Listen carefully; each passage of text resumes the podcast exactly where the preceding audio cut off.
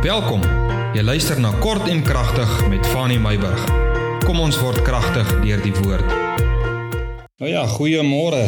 Vandag is ek dink 'n baie lekker dag vir baie van ons skoolkinders. Die skool sluit en ek dink seker hier teen Vrydag se kant gaan hulle seker begin rapporte kry. So ek dink dis 'n baie lekker dag. Gister het ons 300 kort en kragtig boodskappe al opgeneem. Dit beteken ons het vir 300 dae deur stukkies van die Bybel gewerk, versie vir versie. En weet jy wat, ons het nog nie aan die einde van die Bybel gekom nie en ek het 'n idee ons sal nooit aan die einde van al die waarhede kom nie. Wat 'n voorreg is dit om deur die woord van die Here so te werk. Weet jy wil ek vanmôre gesels oor soos die Brahman. Ek lees nou die dag terwyl ek daar by die tandarts is, jy weet, ou sit mos nou maar daar en wag dat die ellende op jou toesak as jy daar op die stoel van die tandarts nou gaan sit. Maar in elk geval lees ek daar deur 'n boek oor beesveilings. En die skrywer maak 'n stelling wat nou vir my tog te oulik was. Hy sê 'n brahman is soos 'n kerkmens. As hy op die lorry klim, is hy op sy knieë. Nou ek weet nie werklik hoekom dit van brahman beeste gesê word nie, maar ek neem aan 'n brahman struikel maklik. So as hy nou op die lorry klim, dan struikel hy dan sy op sy knieë. Nou in elk geval Dit was nou net vir my 'n interessante afleiding wat die skrywer gemaak het rondom nou die brahman en kerkmense dat kerkmense op hulle knieë is. En dit is reg nê dis hoe dit veronderstel is om te wees. En hoekom juis op die knieë het iemand eendag gesê van die kerk? Hy sê ek hou van kerke wat 'n knielbankie by hulle sitbanke het. Jy weet eendag toe jag Jesus die geldwisselaars en die verkopers uit die tempel en Jesus maak hierdie stelling.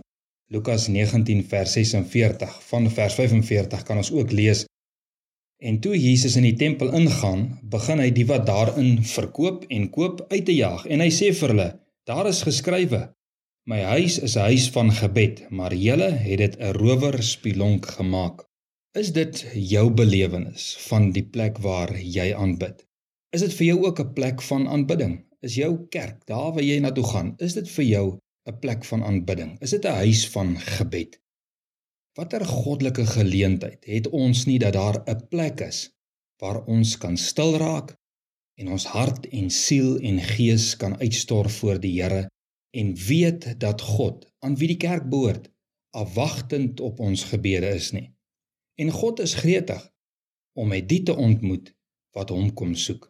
Jy weet ek lees van Hanna wie se moederskoot deur God gesluit was. Lees bietjie 1 Samuel 1 vers 5 en hoe bitterseer dit vir haar was en wat se leemte sy in haar hart beleef het as gevolg van kinderloosheid. Geen geskenk wat haar man of dan nou enige ander mens haar sou aanbied kon die leemte vul van kinderloosheid nie. En hoe sy jaar na jaar opgegaan het na die huis van die Here, die plek van gebed. En daar het sy haar hart voor die Here gaan uitstort. Baie het haar smart gesien, maar nooit haar gebed gehoor nie behalwe die een na wie die gebed gerig was. Hanna was soekend en het nie opgehou soek na die enigste een wat haar baarmoeder kon oopsluit nie. En God het haar gebed beantwoord. Hoekom? Want 2 Kronieke 16 vers 9 sê: "Want die Here sy oë deurloop die hele aarde om diegene kragtig te steun wie se hart onverdeeld op hom gerig is." Hanna se hart was onverdeeld gerig op God. En God het haar nie net gesien nie, maar hy het haar gehoor.